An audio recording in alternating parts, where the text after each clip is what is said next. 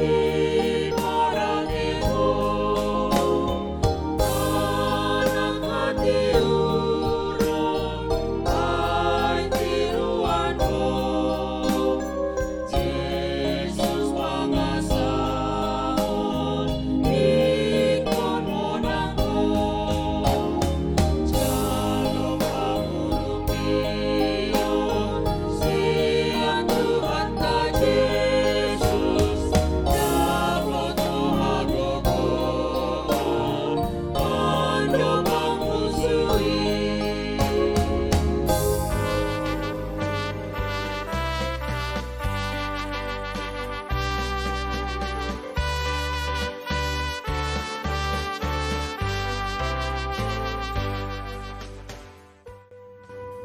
Renungan Harian HKBP Rawamangun, ikutlah aku, Sabtu 25 Maret 2023 dengan judul Mengasihi Tuhan dengan Menjauhi Kefasikan. Bacaan kita pada pagi hari ini tertulis dalam Markus pasal 14 ayat 1 sampai 11 dan bacaan kita pada malam hari nanti tertulis dalam Ibrani pasal 13 ayat 1 sampai 3.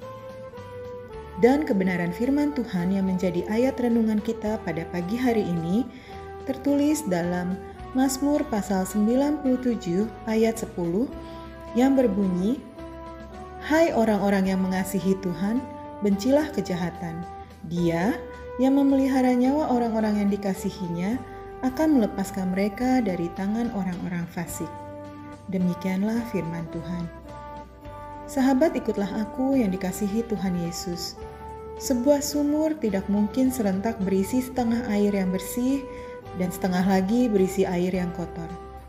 Mengasihi Tuhan juga tidak mungkin di satu sisi ada bagian hidup dengan melakukan kebaikan, dan di sisi lain ada bagian hidup yang mencintai kejahatan.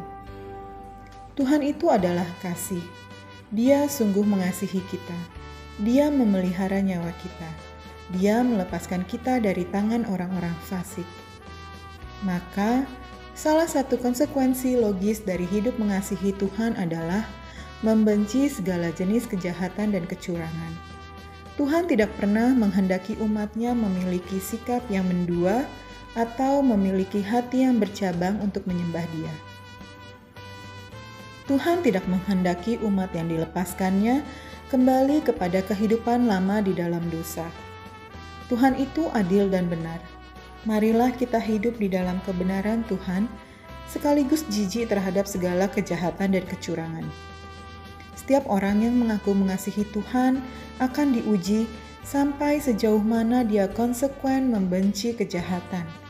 Orang percaya yang sungguh-sungguh dibaharui oleh Roh Kudus akan mengasihi apa yang dikasihi Allah dan membenci apa yang dibenci Allah.